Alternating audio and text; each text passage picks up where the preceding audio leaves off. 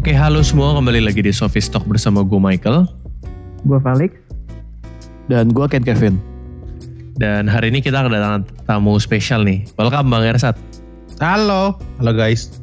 Halo Bang. Sorry terlalu excited.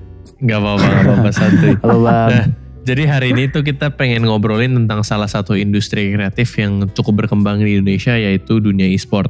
Nah Bang Ersat boleh nih kenalin diri nih kayak jabatan atau historinya lah di dalam dunia e-sport gitu Bang.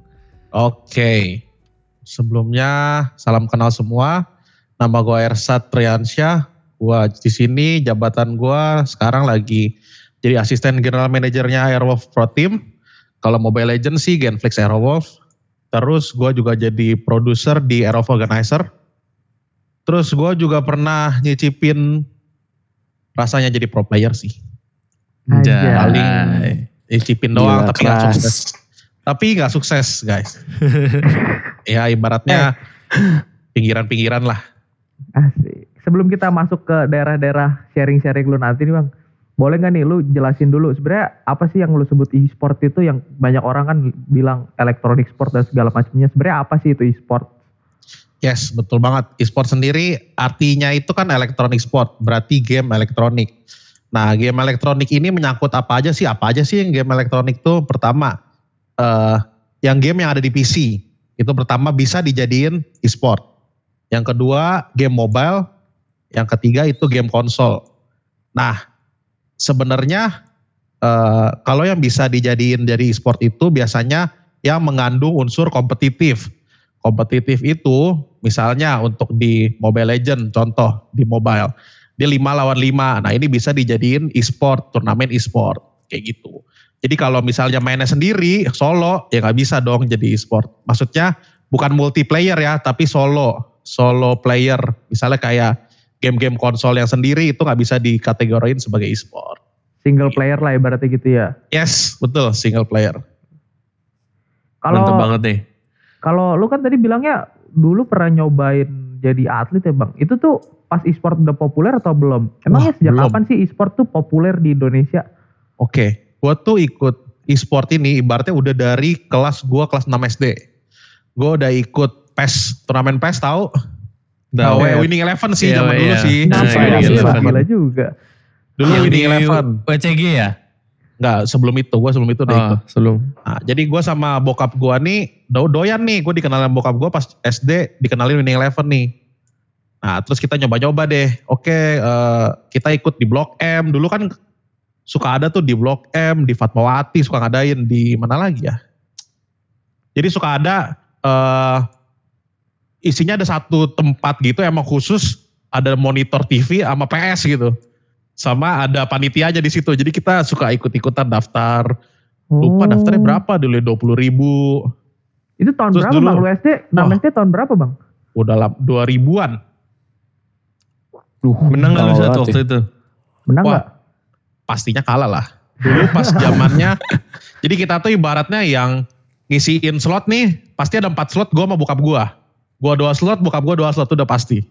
Hmm. Di setiap Sumbangsi lah ya, sumbangsi, Iya, sumbangsi itu. lah. Sumbangsi ke turnamennya. Yes. Nah zaman dulu tuh udah ada is, eh, profesional. eh, ibaratnya pemain profesionalnya. Dulu yang terkenal tuh Ricky Vega. Itu Vega itu nama tim e-sportnya. Terus juga ada yang namanya, terus juga dulu juga ada nama klannya Dejavu kalau nggak salah. Nah itu biasanya orang-orang kayak gitu antara dibayar atau eh hadiahnya dibagi dua sama manajemennya. Biasanya kayak gitu. Hmm. So gue kalau yang Ricky Vega ini, Vega ini lumayan terkenal. Dia punya toko game. Nah dia ngebayarin si Ricky ini buat main, buat juara. Dia sempat wakilin dunia, eh, Indonesia juga di dunia kalau nggak salah. Main ini, Winning Eleven itu. Nah, Winning Eleven betul. Gila men, keras banget men Winning Gila, Eleven. gue baru kenal e-sports tuh gara-gara Dota 2 loh. Dota 2 yang booming tuh di internasional baru loh itu gue Hmm, tahu e-sport. Iya ya. Nah itu sebenarnya udah lama banget. Terus dulu juga ada Tekken sih sebenarnya, cuman nggak begitu terkenal. Yang terkenal eh, Winning Eleven karena bisa wakil Indonesia dulu. Nah gue paling Gila nembus cuman, nah nembus cuman perempat final lah kalah sama dia dia doang. Jadi kalahnya sama Ricky, kalahnya sama yang orang-orang pro- di apa profesional eh, orang profesional doang gitu, orang pro lah ibaratnya. Wih, berarti jago nih si Ensat. Ya udah lama banget dulu itu dulu. Ini kalau Iya, kita main PS lagi kita dibantai nih. Kagak, gue udah gak bisa Iya. main sekarang. Bang, mau nanya bang. Iya boleh. Itu berbedanya, apa perbedaan kayak sebagai pro player sama pemain casual itu gimana ya bang? Kayak latihannya kah? Atau misal apa yang harus dikejar gitu kalau lo menjadi pro player? Jadi kalau yang professional player ini pertama dia udah punya, harus punya tim. Oke, sebenarnya casual juga bisa punya tim, cuman kan niatnya berbeda. Kalau yang professional tim, eh, eh, kita harus punya niatan untuk juara nih. Ngapain aja sih kalau mau juara? Pertama harus latihan, latihannya harus serius. Ada jamnya sendiri, ada minimal mainnya sendiri. Misalnya minimal latihan 3 jam, minimal latihan 5 jam. Kalau casual, mood kita lagi bagus ya kita main. Hmm. Kalau misalnya teman kita, wah lagi ada ini nih, eh, lagi ada lagi keganggu nih nggak bisa. Bukan prioritas utama lah ibaratnya. Kalau yang profesional nih, lu harus jadikan game itu sebagai prioritas utama. Kayak gitu sih. Serem juga Itu ya. juga- dari 6 SD udah kayak gitu loh. Iya itu kayak berat-berat. berat. Nah kalau gitu bang kita pengen tanya-tanya nih. Apa yang memutuskan lu untuk terjun atau kerja di bidang e-sport? Kan kayak banyak banget nih industri, industri di luar sana. Kenapa lu milih Iya. e-sport sih? Kayak cerita Oke. awalnya join e-sport tuh gara-gara apa tuh bang? Siap. Karena awal-awalnya gue udah dikasih tahu, gue dikasih tahu game PS, dikasih tahu game-game sama orang tua gue. Jadi berarti orang tua ngeduk, gue ngedukung. Jadinya gue ngeliat nih, oh eh, bisa gak sih gue ngasilin duit dari main game? Gak selamanya ngabisin duit orang tua. Soalnya kan kita lihat butuh buat beli stick PS, butuh buat beli voucher, butuh buat ini gitu kan. Jadi ada kebutuhan lain. Gimana sih caranya? Oh pengen nih ngasilin duit sendiri, bisa nggak ya kita ngasilin duit sendiri? Oke. Pas awal-awal gue ikut sama bokap gue, gue ngeliat bahwa oh ini ada kesempatan sebenarnya untuk kita dapetin duit di turnamen-turnamen. Terus nyata oh turnamennya banyak nih. Ini mulai dari zaman PS ya. Oh PS ini banyak. Terus habis itu berkembang deh si eh game PC. Nah si seiring zaman, gue SMP, gue main Counter Strike sama teman-teman. Terus gue ngeliat ibaratnya gini lah kalau kita ngeliat, ah kita jago nih ternyata bisa nih main nih. Ya pasti kan kalau bisa main, ibaratnya kita harus next step aheadnya ngapain ya? Oh kita harus gabung ke professional team. Cari teman-teman yang bisa eh ibaratnya punya satu tujuan sama kita. Udah kayak gitu, ya tinggal join deh. Tinggal ngerah dengan kita begini gitu. Pas yang zaman saya itu, ya ternyata gua ini nggak nggak jago gitu dibanding ternyata masih banyak orang yang lebih jago dari gue gitu. Nah di dari dari situ kayak terpacu lah buat lebih kerja keras lagi kayak gitu. Gue pas awal-awal join ke Counter Strike gue baru sadar nih gue dibilang jago sama temen gue ternyata masih banyak orang yang lebih jago. masih banyak sekali. Makanya tantangannya di situ sih lebih enak pas gue awal-awal masuk uh, profesional lah ibaratnya. Berarti lu mulai bener-bener mau seriusin tuh pas zaman SMP itu tuh bang? Zaman SMP belum. Zaman SMP tuh belum. baru sering main ka- jadi kasual lah, sering. Oh sorry, kasu iya bener kasual.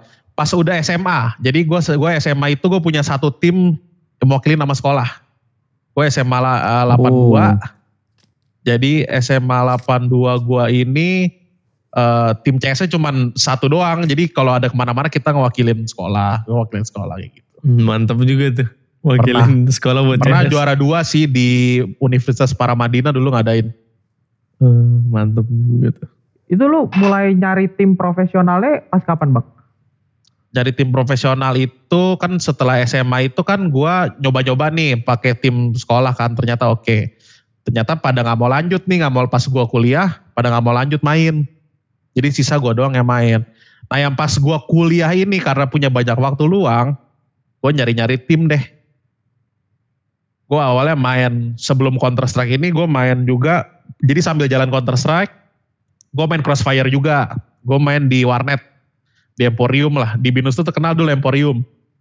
Hmm. Emporium, terus ada level one. Nah di situ, gua ke- karena di situ sarangnya manusia-manusia profesional, terus tim-tim profesional juga di situ. Jadinya gue diajakin, eh kita ngetim aja yuk, kayak gitu. Oh jadi lu bikin tim tuh sama teman-teman di sana bukan Yes, direkrut dari profesional benar-benar tim Bukan. benar-benar tim Jadi, gitu. Kalau 2000 dulu kan 2014 itu kan belum profesional tim masih hitungan jari. Kayak cuman ada NXL, terus ada ibaratnya XCN, cuman hitungan jari lah benar-benar belum sampai 10 gitu, belum sampai 5 malah yang pro-nya. Nah makanya kita yang ibaratnya tim underdog, tim mix-mix, tim mix-mix lah jatuhnya. Nah kita berusaha deh tuh nyari-nyari turnamen, terus eh, kalau bisa menang bagus dilirik sama yang tim besar, kalau ada yang mau nah terus gue juga sempat nyari-nyari ini sih, nyari-nyari eh, sponsor, ternyata susah pas zaman itu. Makanya kita main ya begitu-begitu aja as a mix team. Hmm, Mantap juga tuh. Tapi tuh kayak berarti lu beneran kayak kita nih tiap tiap bulan harus cari nih ada kompetisi ini, kompetisi itu. Terus lu bener-bener jadwalin jadwal latihannya atau gimana bang? Yes betul. Untuk yang kalau jadwal latihan tuh udah pasti. Dulu itu jam 7 malam sampai jam 12 malam biasanya. Itu setiap hari. Oh. Itu setiap hari ya. Kalau kompetisi Terus- bang, lu cari terus. Kalau turnamen kan eh, ada, biasanya kan ada, suka ada dalam sebulan bisa ada empat kali turnamen atau tiga kali turnamen. Kita Oh. pasti ikut di semuanya asal nggak bentrok. Kayak gitu. Oh. Kalau nanya bang, kalau misalnya sesi latihan itu biasanya ngapain aja sih? Apa sih yang harus dilakukan, yang wajib dilakukan kalau sesi latihan gitu? Oke, sesi latihan pertama sekarang itu eh, kalau tergantung gamenya ya. Kalau misalnya yang lagi hot sekarang misalnya Mobile Legend atau game PC-nya Valorant misalnya. Nah, Mobile Legend itu sama Valorant tentu ber- berbeda. Eh, Mobile Legend itu ibaratnya 5 lawan 5 tapi MMORPG ibaratnya kayak Dota. Kalau eh, si Valorant itu kan ini ya apa FPS FPS. Nah, Iya. Sebenarnya kalau untuk latihan, pertama kalau misalnya lu main Valorant ya lu harus main deathmatch. Ibarat deathmatch tuh kayak eh, aim aim training apa ya bahasanya ya, lebih yang lebih dimengerti orang ya. Ibaratnya kayak ada lu masuk di satu map ya lu deathmatch lu eh, nembak-nembakin orang sampai waktunya habis. Ibaratnya kayak latihan aim deh, latihan aim. Latihan Hmm. nembak gitu ya pokoknya. Latihan nembak, ah ya sorry, latihan nembak. Sampai ya ibaratnya sampai lu ngerasa oh eh, tembakan gue udah bagus nih. Kayak gitu. Itu tiap hari wajib dilakuin kalau untuk yang main Valorant ya. Kalau main Mobile Legend ya lu harus sering-sering main sama tim lu bareng. Main sama tim lu bareng lawan misalnya publik nih main di publik. Ya udah sering-sering jadi dalam waktu 3 jam latihan itu lu bisa ada misalnya contoh bisa 12 kali main, bisa 15 kali main, publik kayak gitu. Ini untuk eh, latihannya orang masing-masing ya. Setelah itu, Hmm. setelah kita eh, udah beberapa kali main bareng, kita ini nih apa eh diskusiin.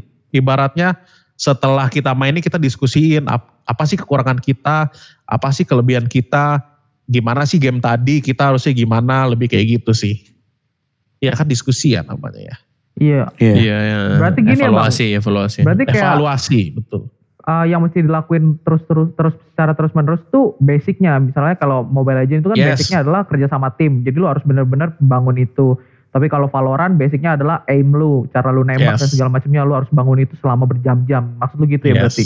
betul sekali. Dulu yang CSGO yang bentet, jadi kan ada eh, CSGO, atlet satu atlet CSGO yang sekarang udah mendunia, mewakili nama Indonesia, itu ada, ada namanya bentet. Dulu itu eh Hansel, namanya Hansel Bentet Ferdinand. Nah dia itu dulu di warnet level 1 itu, tiap hari itu 5 jam dia main, dia latihan nembak. Hanya latihan nembak itu dia 5 jam, mungkin 3 sampai 5 jam dia latihan nembak. Sisanya dia briefing sama temennya, sisanya dia main kompetitif, sisanya dia main berlima. Nah itu dia ada waktu sendiri khusus buat tembak, makanya dia jago sampai sekarang. Nah, itu yang saya salut sih sebenarnya. Yang gua salut sama dia, dia tetap nggak melupain basic kayak gitu. Jadi kayak kalau yang bisa gue ambil kayak konsistensi gitu ya, kayak stick to the Yes. basic gitu ya. Yes. Iya sih. Berarti kayak kalau lu olahraga apa ya basket lah ibaratnya. Yang lu Nah. iniin pasti dribble terus. Kalau Yes. volley yang lu iniin pasti receive terus. Yes. Volley mulu. Ya kan sebagai Nah, contoh aja gitu kalau misalnya Itu kan kalau tadi kita udah bahas dari sisi apa namanya, gimana sih cara jadi pro player. Yes. Nah berikutnya ada pertanyaan lagi nih Bang Ersat. Menurut lu, kalau mungkin di luar sana nih ada pendengar yang pengen buka sebuah tim e-sport, itu untung gak sih di Indonesia? Soalnya ada yang bilang untung, ada yang bilang rugi. Nah itu gimana tuh? Oke. Em, kalau misalnya pengen buka tim e-sport ya, pertama lu harus punya nama dulu. Ibaratnya kayak eh, lebih enak kalau punya nama ya. Kalau nggak punya nama susah nih karena orang nggak tahu lu tuh bakal nipu apa enggak. Soalnya pernah kejadian ada yang orangnya nggak jelas, orangnya nggak tahu siapa, bikin, terus dia nggak hire orang, ngomongnya akan digaji nih. Eh ternyata nggak digaji, kabur orangnya. Kayak gitu dulu sempat ada tim Oh. sempat ada orang yang bikin tim kayak gitu cuman gua harap nih jangan jangan jangan terulang lagi kayak gitu jadi emang benar-benar harus siap finansial jadi untuk bikin tim tuh harus siap finansial siapin eh, hukum legal Mm-mm. terus sama siapin eh, kalau bisa sih lu udah dikenal dulu udah dinotis dulu sama orang kayak misal oh ini dulu pernah di e-sport oh ini pernah ini jadi orang yakin kalau oh, ini nggak bakal aneh-aneh nih perusahaan nih itu pertama itu untuk basic-basic untuk bikin tim e-sport ya Mm-mm. Lu harus punya modal. Nah, dibilang untung apa enggak sih? Sebenarnya untung, tapi enggak dalam waktu yang cepat. Hmm. Dan ibaratnya, ha-ha, i- dan itu long term. Dan eh, gua nggak bisa mastiin ini sebenarnya bisa dibilang 50-50. 50-50 dalam acara lu bisa rugi, lu bisa untung. Itu selalu 50-50. Nah, kalau untung tuh gimana sih cara lu untung? Pertama, dari branding. Kalau lu orangnya marketingnya misalnya punya jiwa marketing yang bagus, terus bisa ibaratnya ngene- ngenego-nego ngelobi orang bagus, nah itu bisa dapat sponsor yang banyak. Tapi percuma kalau lu dapat sponsor banyak, tapi tim lu kalah terus. Mm-mm. Jadi lu harus punya cari, pem- lu harus bisa nyari pemain-pemain yang bagus. Pemain-pemain yang bagus itu dibayarnya nggak murah. Nah ini nih, kalau mau bikin tim e-sport ini lumayan ribet nih. Karena lu pertama harus punya modal. Nah modal ini buat bayarin, kalau lu mau jago instan, instan terkenal, lu harus bayarin tim-tim yang jago. Ibaratnya kayak ngegaji mereka nominalnya lebih tinggi, terus ibaratnya misalnya nge-buyout mereka dari suatu tim kayak gitu. Mau kalau dibilang balik lagi ke awal, kalau dibilang untung eh, untung apa rugi ya 50-50 gitu tergantung kekuatan finan- finansial kalian kayak gitu. sih. Oh gitu. Emang penasaran sih ini saat ini butuh berapa sih finansialnya kurang lebih estimasi 1 m kah 2 m 3 m atau berapa? Oke, secara kasar aja ya. Misalnya Iya, kasar kalian, aja, kalian mau bikin berapa divisi sih? Misalnya dua divisi, PUBG Mobile sama Mobile Legend. Contoh kayak gitu. Nah, terus yang kalian mau rekrut orang-orang misalnya komunitas nih. Oke, Mm. butuh digaji berapa sih? Nah, kalau misalnya orang untuk komunitas sendiri biasanya ada yang suka relawan. Suka relawan tuh ibaratnya eh, nggak digaji, nggak digaji, tapi gue dikasih baju, dikasih jersey, dikasih eh, ibaratnya apa tuh kalau lu nge, nge-promo promosi, ibaratnya promosi di sosial media, ada yang itu ada yang ditukar sama itu. Nah kalau misalnya lu mau bener-bener yang ibaratnya nih lu mau ambil orang yang semi pro nih, tim yang semi pro nih. Nah lu harus bisa eh, gaji itu orang antara mungkin kalau gue bilang kasarnya ya mungkin antara 2 juta sampai UMR. Itu per bulan Oke. itu. Yes per bulan. Berarti kali aja kalau misalnya lu punya dua divisi. PUBG Mobile Mobile Legend berarti ada 10 kan. Nah, kali Oke. aja misalnya satu orang 2 juta sampai UMR per bulannya. Kayak gitu. Mm, mm, mm. Itu baru atletnya ya, belum Yes. kayak equipment dulu, alat buat buat latihannya, terus manajemen timnya gitu-gitu ya bang. Yes, tergantung perjanjiannya. Kalau misal di kontrak lu mau ngasih device, mau ngasih GH, ya itu itu lebih lagi gitu. Lebih lagi ya. iya, lebih iya. lagi betul. Biasanya kalau- orang gimana gimana? Ah. gimana? biasanya sekarang orang sih semua tim bergeraknya dari komunitas. Jadinya ibaratnya pemain satu tim ini kan biasanya orang dapat tuh kan dari orang yang main sehari-hari nggak punya sponsor, nggak punya tim, jadi satu tempat jadi satu tim dia berhasil juarain sesuatu. Nah kita bisa lihat nih oh ternyata lu punya eh, pernah ada achievement ini, jadi kita ambil. Tapi ibaratnya gue bayarnya kecil ya, atau gue bayar dengan promosi ya. Nanti sampai lu juara terus, nanti kita bisa omongin lagi. Biasanya kayak gitu sih. Mm, Oh, mulainya dari iya, situ iya. ya berarti. Yes, kalau sekarang seperti itu. Ini ngomongin lebih lanjut tentang bisnisnya nih bang. Kalau misalnya kan lu sekarang di Aerowolf kan. Nah Hmm. kalau misalnya lu jadi suatu udah tim ibaratnya udah jadi suatu bisnis kan, bisnis di bidang Hmm. kreatif e-sports ini. Nah, eh, lu tuh bisa dapat uang tuh dari mana aja sih selain kayak prize poolnya apa prize poolnya suatu kompetisi atau mungkin tadi lu sebut event gitu ya bang boleh nggak lu Hmm. buka tuh dari mana aja sih cash flow-nya kalau lu punya bisnis kayak gini Oke. Sebenarnya gini, yang punya bisnis e-sport ini, ini bukan menjadi sumber utama pendapatan mereka. Tim e-sport Oke. ini biasanya cuman buang-buang uang. Ibaratnya kayak kesenangan pribadi lah. Kalau bisa menang, ya bagus. Kalau kalah ya, eh kalau misalnya gagal ya gue udah berusaha, ini hobi gue. Ada yang seperti itu, ada orang yang kayak gitu. Ada lagi ya orang yang benar-benar eh, bisnis. Tapi rata-rata ya orang yang punya tim e-sport itu bisnisnya tuh dia punya bisnis lain, beberapa bisnis lain. Bisa lebih dua, bisa lebih dari dua mungkin. Jadi eh, dia nggak ngambil untung dari e-sport ini. Jadi dari tim e-sport ini bertujuan untuk nyari fame, nyari biar orang kenal, eh, Exposure biar mungkin ya. terkenal lah, yes. Oh, bangun brand aja ya ibaratnya gitu ya? Yes, brand. Yes, betul. Bikin brand. Biasanya tuh perusahaan apa sih yang punya tim e-sport gini, Bang? Biasanya banyak. Misalnya ada yang eh, perusahaan eh, apa ya? Coba deh misalnya cari tahu eh, RRQ contoh. Misalnya RRQ nih. Yang punya kan Ricky Kawano siapa saya lupa. Nah itu Mhm. di Google bisa cari marganya. Dia ininya apa sih marganya? Siapa tahu di keturunan si keturunan biasanya rata-rata mungkin keturunan bapaknya biasanya. Ya masa keturunan omnya? Bukan maksudnya bapaknya tuh kerja Kelapa sawit, tambang yang punya gitu-gitu ya. itu. Ya Hmm, ibaratnya yang, yang yang warisin deh gitu. Terus ada juga yang emang benar-benar bikin sendiri. Kayak ibaratnya eh, si Reka, Reka e-sport. Misalnya Sohadi Wijaya nih kan Sohadi, punya Sohadi hmm. Wijaya namanya nih. Nah dia eh, dia ternyata punya company Wijaya Company gitu. Itu contoh aja. Jadi dia jualan apa gitu saya juga kurang tahu sih. Tapi biasanya dari orang entrepreneur. Semua yang bikin kayak gini-gini. Gue kira malah kayak lebih ke perusahaannya yang nyambung gitu. Misalnya ya, misalnya kayak gue punya perusahaan elektronik nih jualan laptop, gue bikin tim e-sport buat ningkatin penjualan laptop gue. Gue kira lebih kayak gitu sih. Gue nggak gua nggak nyangka lu bakalan bilang kelapa sawit lah gitu-gitu. Nah iya Cukup contohnya unik ya. Mungkin Ya. karena mereka duitnya udah lumayan banyak kali mencoba. Soalnya kan ini ibaratnya kayak peluang. Kalau kita ngelihat e-sport ini kan Hmm. kayak peluang ya kan. Ya ya nggak nggak salah lah kalau kita nyoba. Mungkin mungkin mereka ngomongnya gitu kali. Iya juga sih kayak peluang baru sih. Pengen tanya ini sih saat sebenarnya. Banyak nih, banyak banget kontroversi antara dunia e-sport mobile sama PC atau komputer gitu ya. Orang bilang kalau Iya. e-sport yang sebenarnya adalah menggunakan komputer, sedangkan kalau mobile itu nggak e-sport gitu. Menurut lu gimana Sat?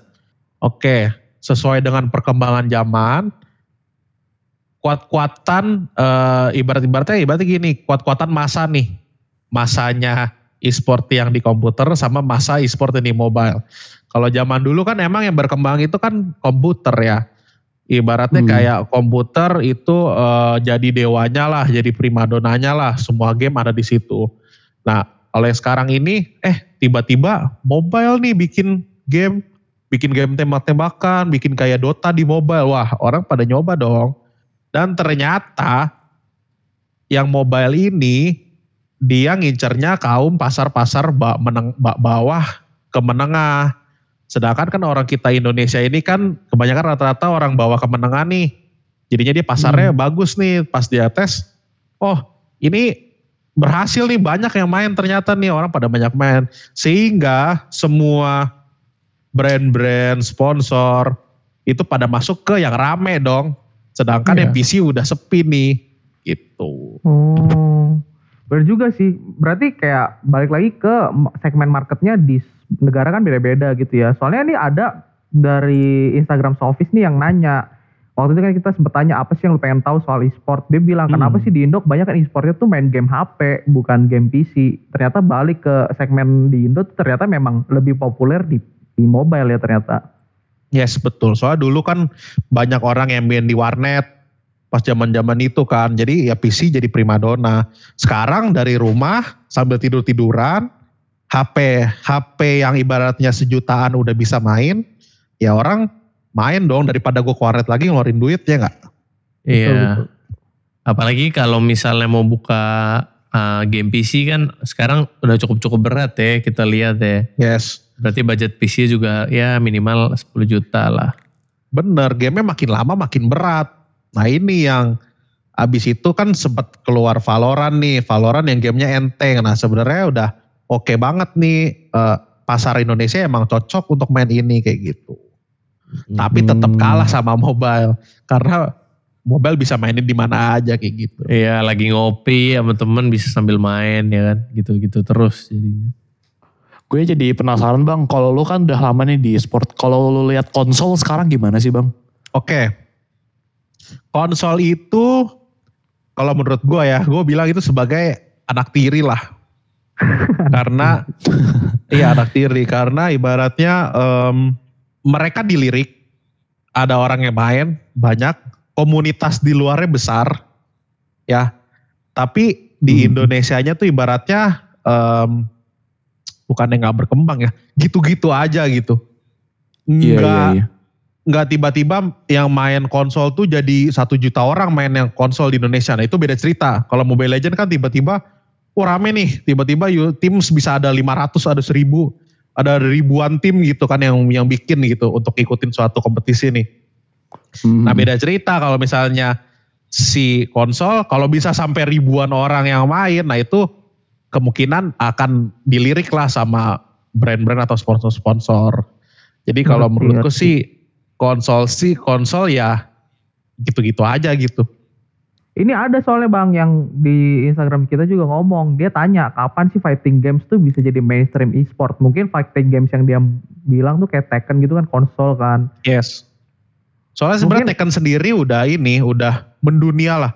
Udah global, orang udah pada recognize. Cuman tetap aja kekuatannya dia kalah sama mobil.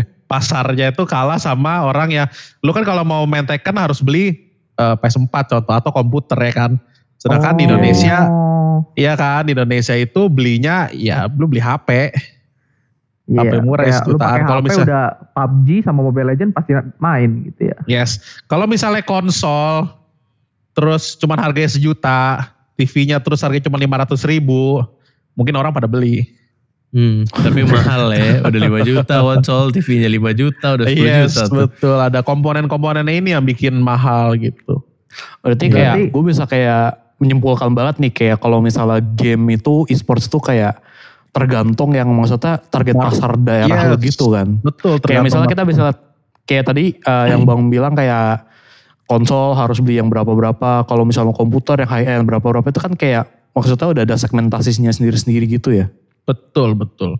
Nah, lucunya gini, di Indonesia itu pasarnya pasarnya mobile ini ini di negara-negara berkembang. Contoh kayak Indonesia, Brazil, Meksiko, Filipina, SEA lah, SEA Thailand. Nah, ini ini nggak berlaku buat orang yang di Eropa, Amerika.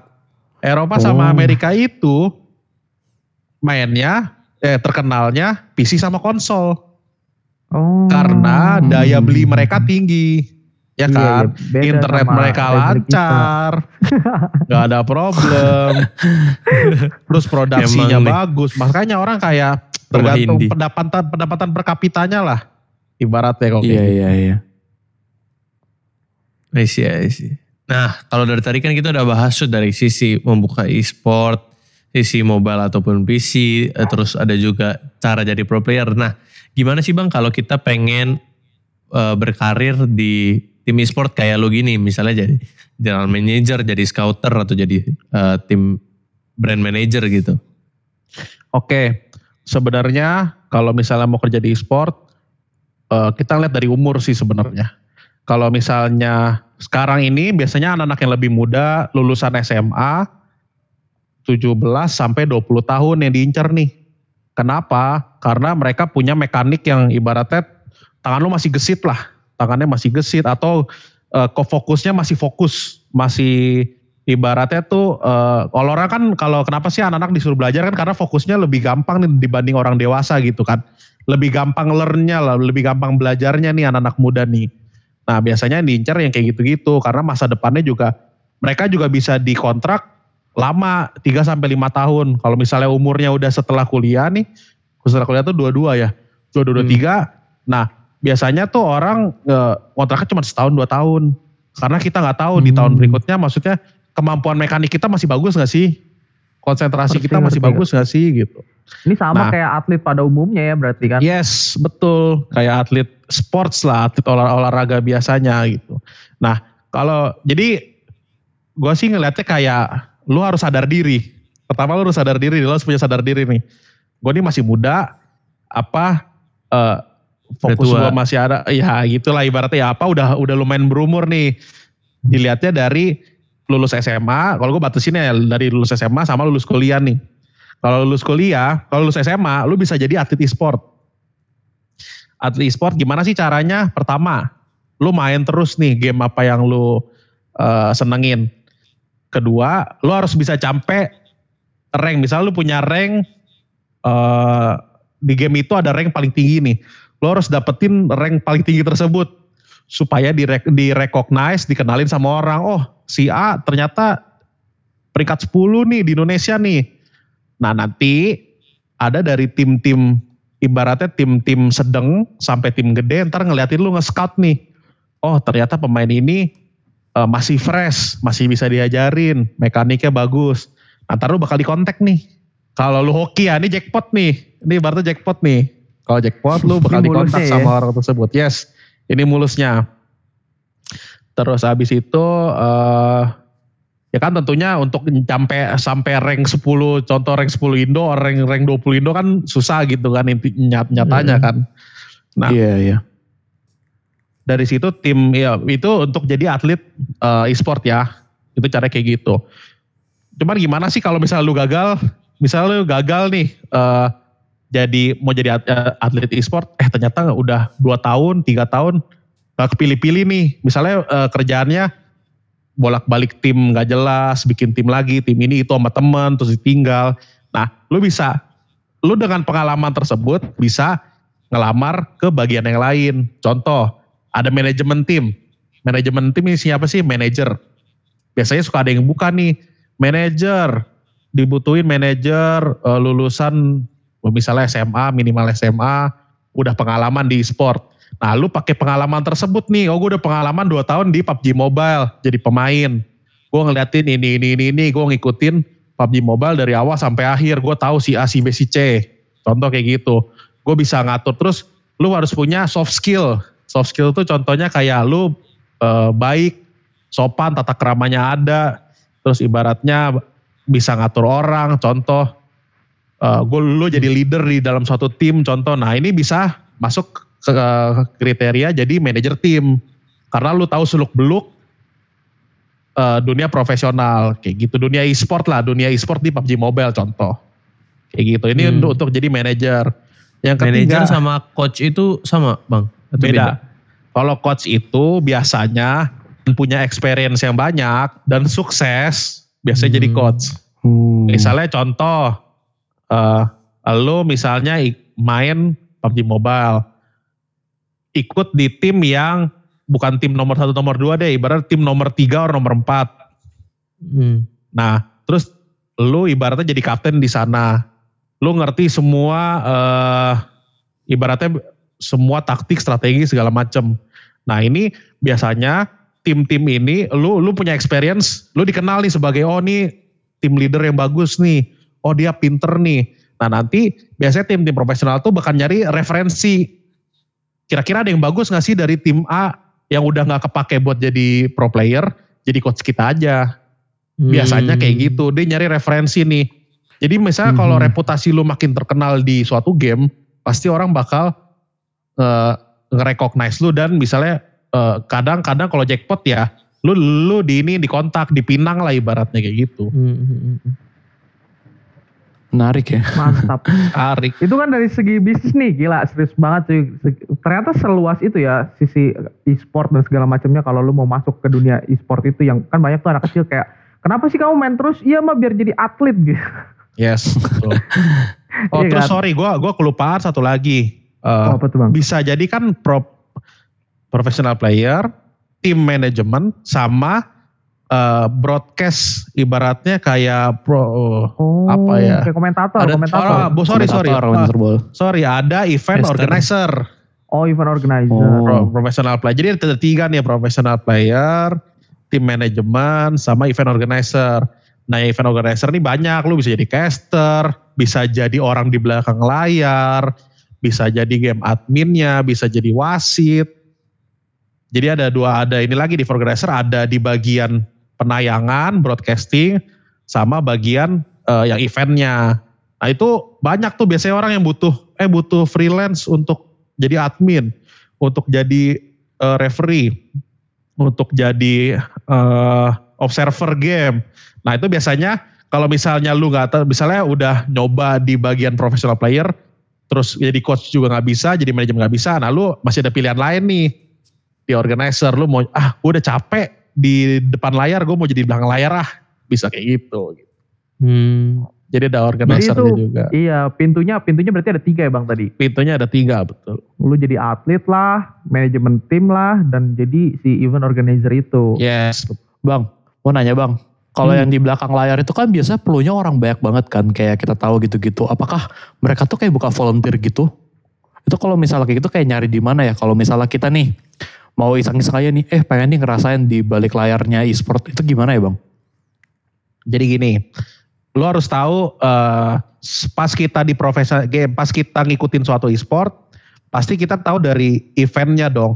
Oh ada event Hmm. A, oh ada event B. Diorganize by siapa sih? Kita harus kalau lu kepo ya, kita lihat nih organize by siapa sih? Oh contohnya Mineski, contohnya Rough Organizer, Revival. Nah biasanya lu coba follow Instagram mereka atau follow sosial sosial media lah ibaratnya. Suatu saat nih bos bukan bos-bosnya sih, ada rekrutmen. Mereka suka Oh. open recruitment volunteer untuk eh jalanin event. Suka ada nih. Dan pertama mulai dari nggak dibayar, ada yang nggak di kalau skalanya banyak ya. Biasanya sih nggak Mhm. dibayar, cuman dikasih apalah kalau buat orang yang pertama kali dikasih merchandise mungkin. Terus yang kalau misalnya dia butuh eh, untuk skala project yang lebih baik, yang bergengsi, nah biasanya dia dibayar nih. Yang orang yang butuh pengalaman. Hmm. Jadi kita awalnya ikut-ikut dari volunteer-volunteer dulu aja kayak kayak ibaratnya kalau misalnya dunia biasanya ya lu misalnya mandiri maraton nih. Nah lu jadi yang karena ada suka ada rekrutmen jadi ininya nih apa Iya, ya? volunteer Iya jadi bener. yang LO, iya, LO. jadi panitianya LO Ah. apa kayak gitu. Mereka juga sama, mereka akan membuka di sosial media mereka biasanya. Itu ibaratnya kayak Hmm. pintu masuk paling gampangnya lah ya kalau lu mau yes, ke betul. e-sport. Betul. Sangat-sangat menarik ya. Iya, ini Iya. bukan gibah aja ya. Gue sekarang jadi ngerti kenapa pas kemarin tuh ada skandal kan apa tuh yang yang selingkuh-selingkuh tuh sampai uh, ada yang dikeluarin gitu dari tim di band. Hmm. Gue sekarang jadi paham mungkin karena memang orang-orang mau bikin tim e-sport tuh adalah membangun brand tujuan Yes. utamanya. Terus saat ada salah satu tim lu dari bagian dari brand itu yang bikin jelek pasti langsung di ban. Makanya tuh gue sekarang ngerti kenapa dia bener-bener bisa langsung di ban. Gak nyampe besokannya cuy udah malam-malam di ban anjir. Langsung dikeluarin, di, di drop out, di terminate lah ibaratnya. Iya. Soalnya nah, gini. Itu gue mikirnya. Hmm. Di, di kontrak itu juga ada biasanya dilarang kan dilarang melakukan pencemaran nama baik. Ibaratnya Hmm. dilarang melakukan sesuatu tindakan yang merugikan untuk tim. Jadi sekalinya dia ngelanggar itu ya udah sesuai kontrak harus diterminate Iya. kayak gitu. Tadinya tuh gue mikir bang, loh anjir kenapa ya bu- langsung bener-bener di ban gitu. Padahal kan ya sebenarnya itu permasalahan pribadinya dia dan kalau misalnya bicara ini nggak tahu ya kan gue nggak nggak tahu seluk beluknya sport sebelum Hmm. bertemu dan berbincang-bincang dengan lo. Gua gua gua mikir kenapa kok dia langsung di terminate. Nah sekarang gue paham kenapa dia langsung di terminate. Siap.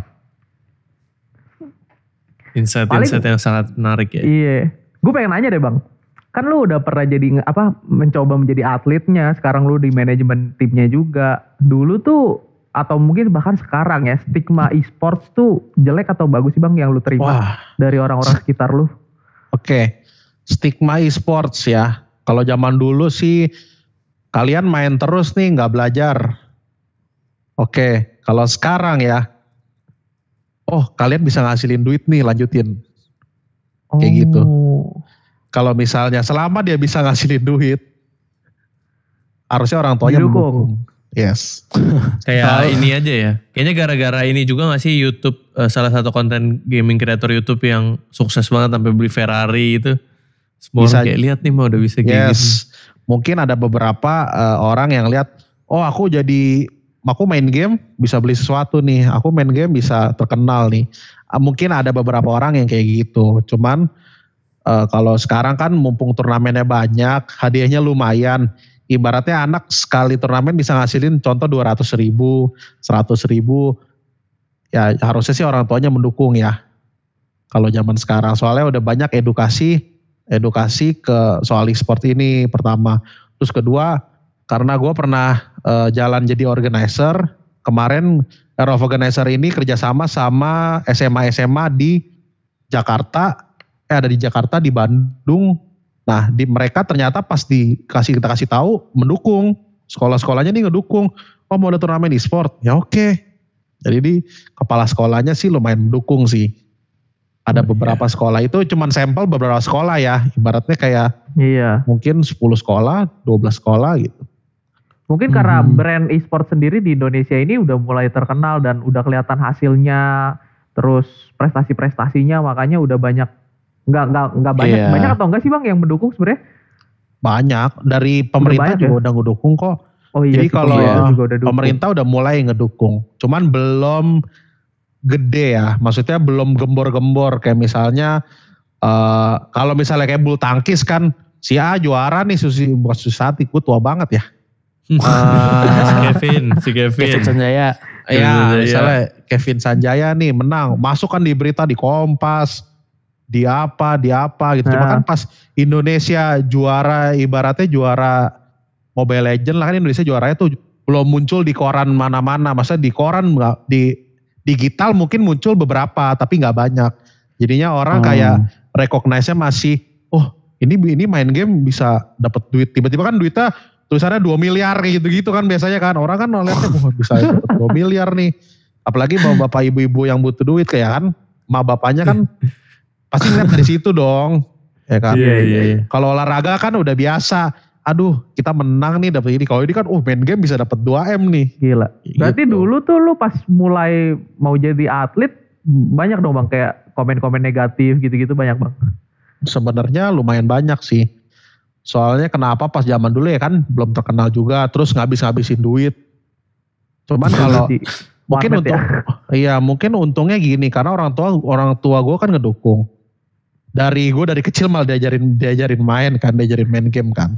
Mungkin eh, ada orang tua stigma beda-beda. Mungkin anaknya ada yang dibeliin game, tapi anaknya supaya anaknya nggak keluyuran ke mana-mana, nggak apa-apa. Jadi biar dia diem di rumah gitu kan suka ada kayak Iya gitu. iya iya. Nah, gue udah diajarin main game dan gue udah bisa ngasilin duit pas gue SMA nih. SMA kan gue juara juara dua Counter Strike nih, udah bisa ngasilin duit nih. Nah orang tua gue makin mendukung, oh bisa ngasilin duit nih ternyata. Pas zaman dulu sih sisa-sisanya sih ngapain sih lu main? Mending lu selesaiin dulu kuliah lu, selesaiin dulu sekolah lu. Kayak. Biar soalnya kan zaman dulu harus kerja, kerjanya harus di bank, jadi dokter. Apalagi jadi dokter, jadi tentara, jadi polisi, Insinyur, arsitek. insinyur, arsitek, ya kan? Astronot, pilot. Iya. Terus pas gue bilang, Pau menang nih dapat duit segini. Oh ya oke, siap lanjutkan. Anjay. Gaspol. Kalau kalau sekarang mah kamu harus jadi influencer, youtuber, atlet e-sports. Iya, Ada ntar tiba-tiba anaknya, Pak aku mau jadi dokter. Apa? Kamu mau jadi dokter? Kenapa gak Kamu mau youtuber makan gitu? apa? Kamu mau makan apa? Betul. Ini menarik banget, sumpah dunia e-sports. Thank you banget Bang Ersat udah mau apa ya? Udah mau membukakan sharing.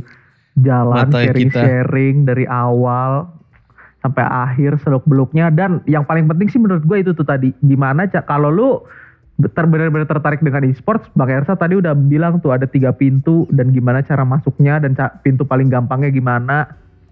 Lu tinggal coba aja tuh supaya bisa berkecimpung di dunia e-sport. Yes, bener banget.